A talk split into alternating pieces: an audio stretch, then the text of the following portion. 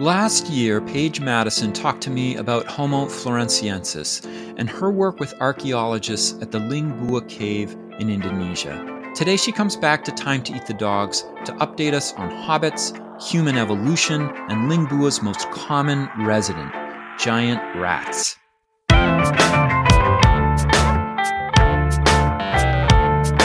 It's time to eat the dogs. I'm Michael Robinson. Today, Paige Madison talks about recent discoveries at the Liang Bua cave, where researchers are trying to understand the complicated story of the hominin Homo floresiensis. Madison is a PhD candidate in the history of science at Arizona State University, where she also works with the Center for Biology and Society and the Institute of Human Origins. She writes about paleoanthropology at the blog Fossil History. She recently wrote about her trip to Indonesia for National Geographic and Scientific American. Paige Madison, welcome back to Time to Eat the Dogs. Yeah, thanks so much for having me again. So you just got back from a long trip to Indonesia. You were you were there for about a year on a Fulbright investigating the 2003 discovery of Homo floresiensis uh, otherwise known as the Hobbits. Uh, for those who didn't hear your uh, first episode or who aren't familiar with the story, I was wondering if you could talk about that discovery and why it made such a big impression. Yeah, so when Homo floresiensis was found, as you said, in 2003 and then published in 2004, when sort of all of that unfolded, uh, those of us who are interested in human evolution, our world kind of stopped for a minute because this discovery that had happened at this relatively remote Indonesian island um, was completely unexpected in so many ways. It was unexpected in where they found it, what time period they thought it was living in, and then even what it itself was. Uh, so the discovery was that of a, a skeleton, a skull and skeleton, and then a few other bits and pieces and things like stone tools. But the main the main find was that one, um, and it has this very complete skull and a lot of the skeletal material and these two things combined is quite rare in the field of paleoanthropology, where sometimes we're dealing with, you know, a handful of teeth or half of a jawbone. And so this was a relatively complete creature. So a lot of information could be gleaned from it.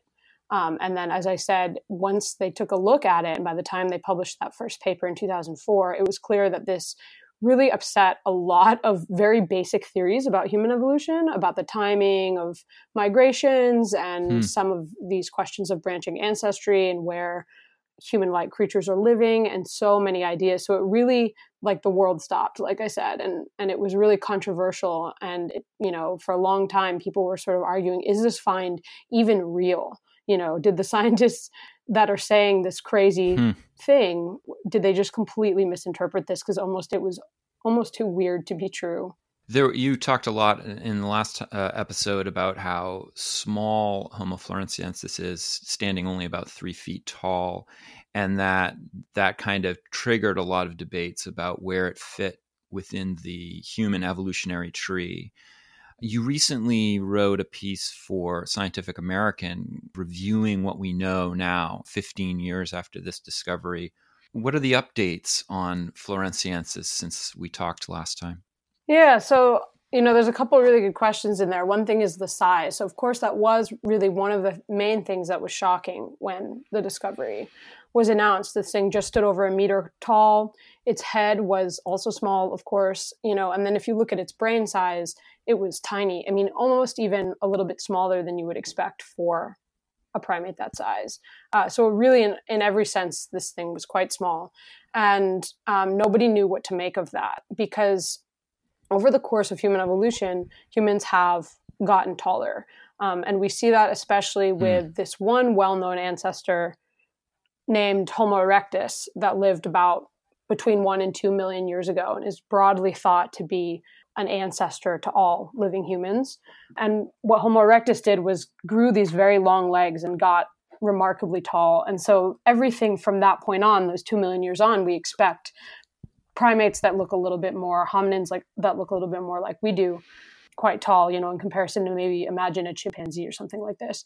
And actually, that species, Homo erectus, did live in Indonesia about a million years ago. So actually, we just found out maybe even a little bit uh, more recently. So you know, you you kind of know who's in the neighborhood and then you find something that is yeah half their size so it was quite surprising but as i talked about a little bit in that scientific american piece what started to come out i think once more detailed analyses of the arms and legs and other parts of the postcrania um, started to unfold and once sort of the initial shock i think wore off uh, another hypothesis emerged. And that was what seems like a very basic realization, but one that, again, before Homo erectus, actually all hominins were small. So there was a lot of talk, and still is a lot of talk, about Homo floresiensis shrinking. But there is a leading hypothesis that Homo floresiensis may have been related to something more primitive that was about the same size. So actually, if you think about Lucy in East Africa, I think everybody vaguely knows of Lucy, they are almost the same size. So once you start sort of reconfiguring some of those assumptions in the model and maybe some of the ancestry and relations, then you start to wonder well, is it possible that this was some branch of something that was a little bit more Lucy like um, and therefore never got big in the first place? That was a really uh, fascinating thing when I read that in your Scientific American piece because you know I I don't know all of the leading theories of human evolution. But it did seem to me that a, a lot of people had kind of dismissed this idea of you can explain a lot of the different groups by really ancient migrations and then a kind of parallel evolution in different parts of the world leading to different things. And that's kind of what this theory is, right? This hmm. idea mm. that Australopithecus, when, or Lucy, as, as you said, um, some version of that left Africa a, a really long time ago and maybe so what we're seeing is some kind of uh, later evolutionary outcome of of that. And and you mentioned in that piece also that the wrist of Homo floresiensis looks a lot like uh, Lucy and Australopithecus. Is that is that correct? Yeah, yeah. So when when the wrist analysis came out, I think that was really the turning point. Everyone sort of took notice uh, because it was so clearly Australopith like in that way. And so again, it was right around that time. So that paper didn't come out till 2007. And then it was right around that time that a lot of the lead scientists that were doing more detailed analyses of, for example, the legs, the feet, uh, the hips than that had ever been done, that was when they really started to turn towards this. And that was a little bit of a motivator, I think, for writing that Scientific American piece for me, is that when I talked to the lead scientists at Liangbua at the field site, a lot of them are still quite intrigued by this Australopith connection. But it seems to me that in, you know, when I'm on Twitter or having conversations about hobbits more broadly, people don't even really know that that was a hypothesis. Uh, and it's one that yeah. is wild, like you said. It, it requires imagining a migration that would have happened long before we ever thought was possible, potentially, from potentially a smaller hominin with this tiny brain size. You know, we're talking about a third of ours you know you're trying to imagine them coming out of africa all the way across asia and ending up on this island that was never connected to the mainland um, and you know maybe who knows where else. So i think there's a lot of questions and even the lead scientists that are are still investigating that hypothesis they agree that you know there are huge gaps to be filled. But there have yeah. been some really interesting research done on you know trying to look at some of these questions. And so you know one thing we know about the fossil human record is that fossilization is just very particular and it and things matter in you know where we find stuff. A lot of that's dictated not only about where the hominins actually lived but also what the conditions for preservation were like and then also where we have the opportunity to dig.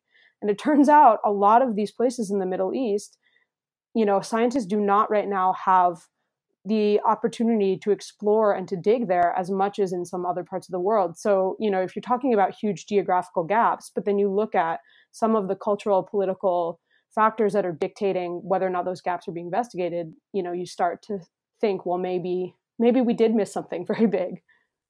You know, one of the other interesting things, and this actually was from a National Geographic article that you wrote last year, which was about the fact that Liang Bua isn't just a cave full of hobbits. It's also, in fact, most of the things that are being excavated are animal remains, and that there are all kinds of amazing animals that lived in this cave. Could you give us a kind of highlight reel of some of the some of the animal discoveries?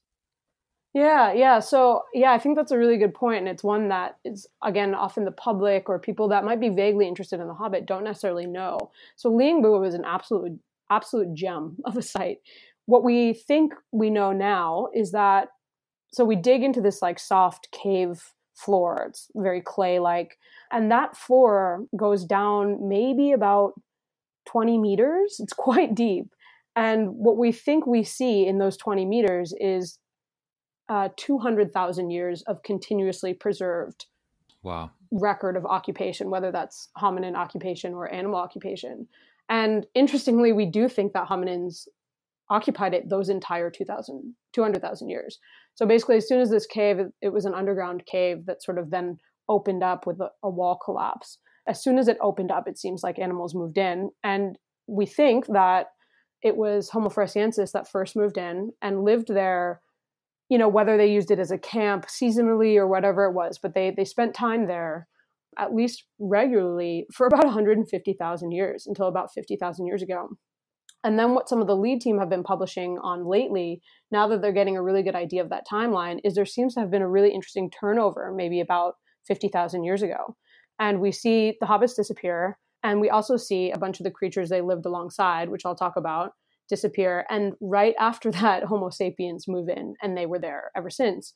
And so hmm. it's a great site on so many levels. You know, it tells us a lot about humans in Indonesia. It's one of the oldest evidence of humans in Indonesia as far as physical evidence of humans, like actual bones. There are other pieces of art and things like this that are showing up in Indonesia that are much older, which is fascinating. Um, but this potentially there's tells art us, from these old caves. Not this one, um, but there is. There's been one found in what we call in Indonesian Kalimantan, but in the larger island of Borneo. Um, that they're finding pieces of cave art that may date to 70 80,000 years ago or and I say may date they wow. have been dated. There has been a published paper and some people of course question dates but that's scientists job to always question these hypotheses. What's really fascinating about this turnover that I just mentioned at 50,000 years ago is that there was a ton of creatures that we only know of from Liangbua so they've been discovered in the last you know 15 years or so. And it they just it's a cast of creatures that almost seems fictional, right? So the favorite one is these pygmy elephants that we call stegodon. You know, they were probably about the size of a cow, and we know of them from a couple other sites on Flores, um, but they do seem to be a species endemic to Flores. So they were pretty wild. And you know, one thing the team's trying to investigate right now is did hobbits ever eat them? Because they probably would have been a great source of mm. meat for a hobbit. And then we see a bunch of other creatures of strange sizes. So there are giant storks that are over two meters tall. There are giant vultures that haven't been found anywhere else other than Liangbua. You know, sort of every time you come across a new bone, you wonder like, what is this thing? Is it is it something that's been replicated? And you know, some of that's not terribly surprising because we do know that wild things can happen to animals on islands. And so you you do see size changes and things like that. So it is along the lines of something we would expect but it is interesting that you've got so many of them at Liangbua and then you do see a moment where they all at least disappear from the fossil record which is really strange. Interestingly too um, there are of course the caves known for the giant rats. As you mentioned, we at Liangbua call it the rat cave because about 80% of what comes out of the ground are rat bones of all shapes and sizes. There are tons of rats on Flores. There always have been. There still are. However, the giant ones that I should say the evidence does suggest that they arrived on Flores quite giant, but then they sort of speciated and they were doing quite well. So there's all sorts of giant rats, extinct giant rats. And then at that 50,000 turnover. How, how giant are they? You know, over two feet without the tail. I mean, these are giant rats uh, much bigger than any house cat I've ever had, and bigger than a lot of dogs I see out on the street, at least bigger than most small dogs. So it's pretty wild. And like I think I mentioned, the there used to be quite a few species of them, and they used to be just a little bit bigger. Um, when that turnover happened about 50,000 years ago, it looks like maybe two, maybe one species hung on, and there's still a species living on Flores today, which is not quite as big, but still still very big, still like close to that two feet range. Um, and you know we see them from time to time. God. Uh, at the site because sometimes they're hunted by locals. Um, so usually I don't see them because they're out at night and they're very scared of humans, as they rightfully should be. Um, but you know, sometimes they get brought in for lunch and things like this, and so I've gotten to see how big they are, and it's truly it's hard to believe. yeah, I can imagine. Rather terrifying.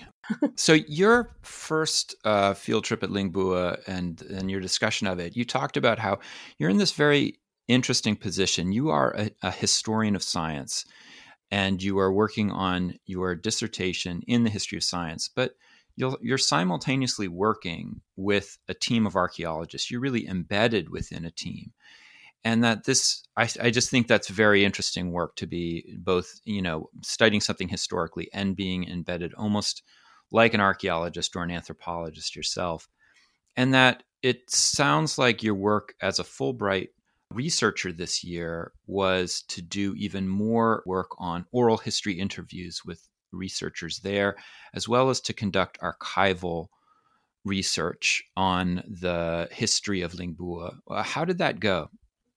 Yeah, so I think that is a good point. I'm sort of always navigating these two separate identities that, for the most part, go pretty well together. Again, I do have an undergraduate degree studying at anthropology and then I only transitioned to history science as a graduate student and I've always been interested in having one foot in each and so now it's actually that's happening yeah. in the same site right uh, I have to say this year was incredibly satisfying because it was the first time that I did get my hands on archival materials and it made me feel like a historian for the first time so for some of my other dissertation research you know I'm looking at Darwin era mid 19th century you know Huxley discussions of Neanderthal fossils and things like this. So my initial training as a historian of science, you know, involved a lot of classic archival research and transitioning into the oral history realm, which is what I did the first two years I visited Indonesia, was you know a huge learning experience. Uh, but to be able to sort of then go get my hands on physical things that were written back in the you know and didn't even stretch far that back maybe. I was looking at documents from six, the 60s and 70s 1960s and 1970s but again actually having historical documents to examine was extremely satisfying and and really helped add a lot of the context and make me feel like a historian for about five minutes which was nice. And one of the big components of this research was that you were going to be studying Indonesian, and that would allow you both to conduct more extensive oral history research as well as read the field notes dating back to the 60s that were written in Indonesian. Yeah. Uh, is that correct? Yeah. Yeah, and that was that was a huge component. So that's actually a great program that I should just mention as part of the Fulbright. So it's not an inherent part of the Fulbright to do a section of the grant that is just focused on language training, but they do have it as an option. So essentially, you do nine months of research and then you apply to do an extra three months that you add in the beginning on language study. Um, and I mention it only because it's a program that sometimes I think the Fulbright uh, you know funding on the american side is wondering if it's worthwhile. And when asked at the end of the grant if it was i i laughed you know because it, it's absurd to imagine that i could have even gotten a fraction of what i was able to get this year because of the language study. So yeah this year you know i'd been trying to learn indonesian before but um, this year i really got an immersion you know a few months of training and then i was living there largely on my own for a lot of the year and so of course that helps because you you have no out right? You there's no other lead scientist that can speak both to translate for most of the year when i'm kind of running around indonesia and so it was a chance to practice and really get to know it. Um, and so yeah that was an amazing sort of turning point i think in my research there for a couple of reasons. One is that i could get stories from people that i was sort of getting third hand before. So uh, some of the locals before this year, when we did uh, interviews, it was all translated by one of the lead researchers, especially Thomas Sutikna has translated many, many interviews. And so yeah. three of us would sit there, and that's absolutely wonderful. But of course, it's not the same thing as hearing their impression and their feelings and their life histories from them personally. So that was a huge one. And then also, some of the elder generation there don't speak that Indonesian language generally that's not what any of them speak at home. This on the island of Flores, this part of uh, Western Flores is known as the Manggarai people and the Manggarai region. Uh, and they speak Manggarai, and so what this also did was allowed me to then sit that that cluster of three people that were helping me translate was now often myself, an Indonesian local, and maybe his father who didn't speak that much Indonesian, but the son could help translate. So again, it was sort of like baby steps into opening these doors and allowing the three of us to go much farther than we had before. And of course, this father I'm mentioning is a wonderful local man named Ande Mali, and he's worked at the site since it first became formally excavated in the 70s. So, you know, his stories we need to get down, and we can't always do that in Indonesian. But ha- so having two barrier language barriers between us was was a lot, and that helped break it down. Did the uh, did the ability to speak Indonesian and to conduct these local interviews help?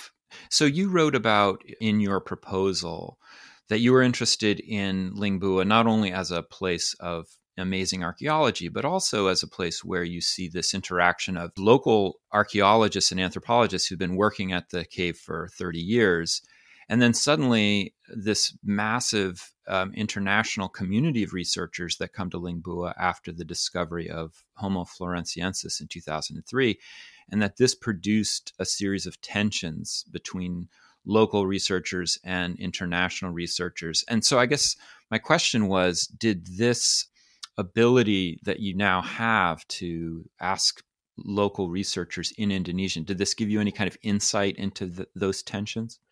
Yeah, I think a huge amount. And these are all things I'm trying to write up now and sort of process now that I'm back in the US. Um, so, I mean, I think, again, some of the things I'm working through are basic at heart, right? Things that I think we know, but sometimes in the heat of these big discoveries and these big leaps of, you know, knowledge creation, I think maybe we kind of forget some basics. So, for example, of course, in any situation where there's an, a controversy or anything like this, you've got more than one perspective, right? And I think the more invested we are in our perspective, the harder it is for us to sometimes really fully pause and reflect and listen to the other side.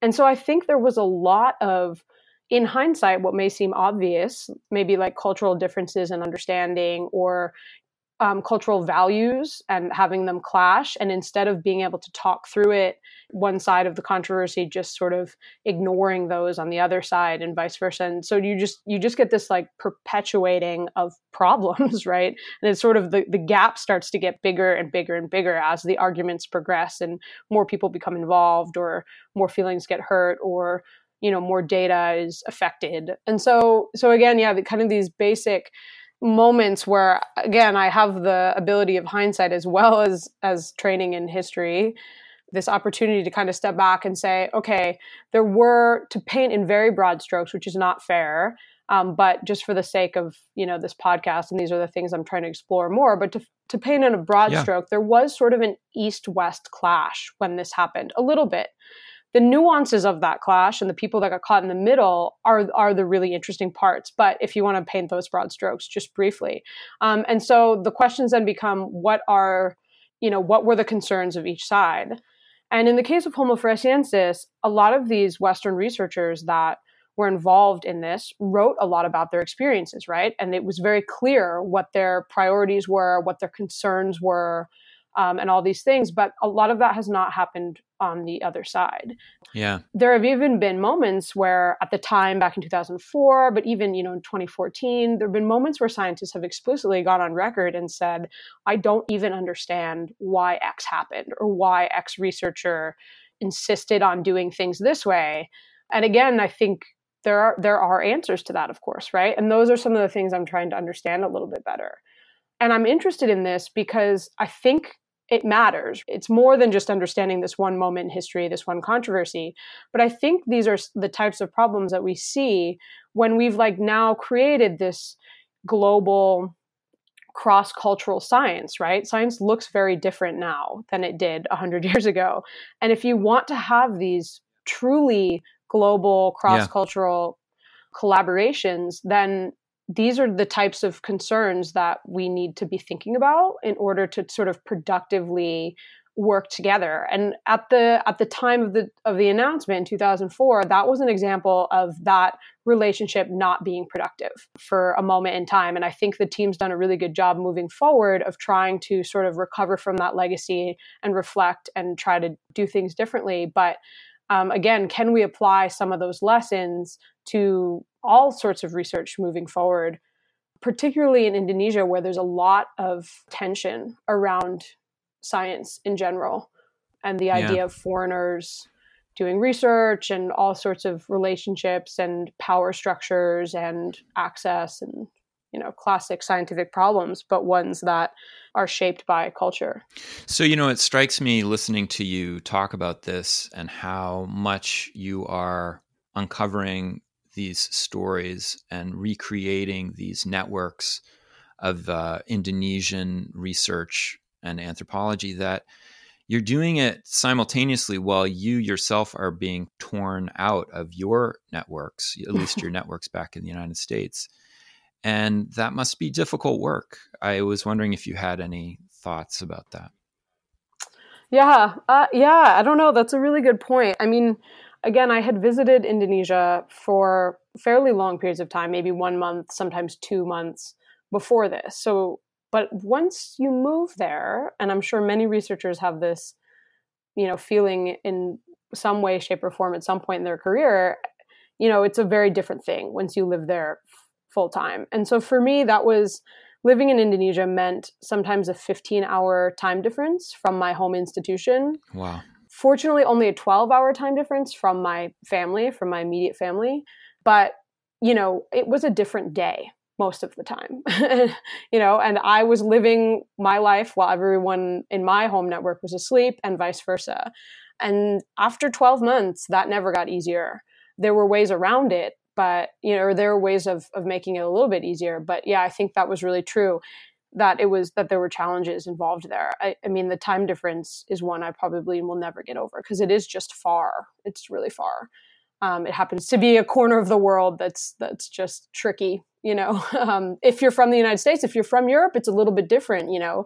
We had european colleagues come visit us at the site from Germany, um, and we're digging at the site for maybe two months. Um, and over the course of those two months, they might make two trips, right? And, you know, they're busy people, they've got a lot going on, and so they make a trip to accomplish X goal in June, and then they'll come back in late July when we're wrapping up or whatever the case may be. And and coming from the United States, that's that looks very different, right? So that so that was really interesting.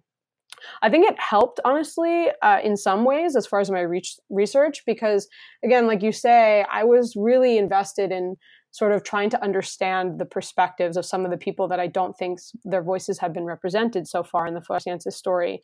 Um, and that meant understanding a culture or trying to understand as best as I can a culture that is very different from my own.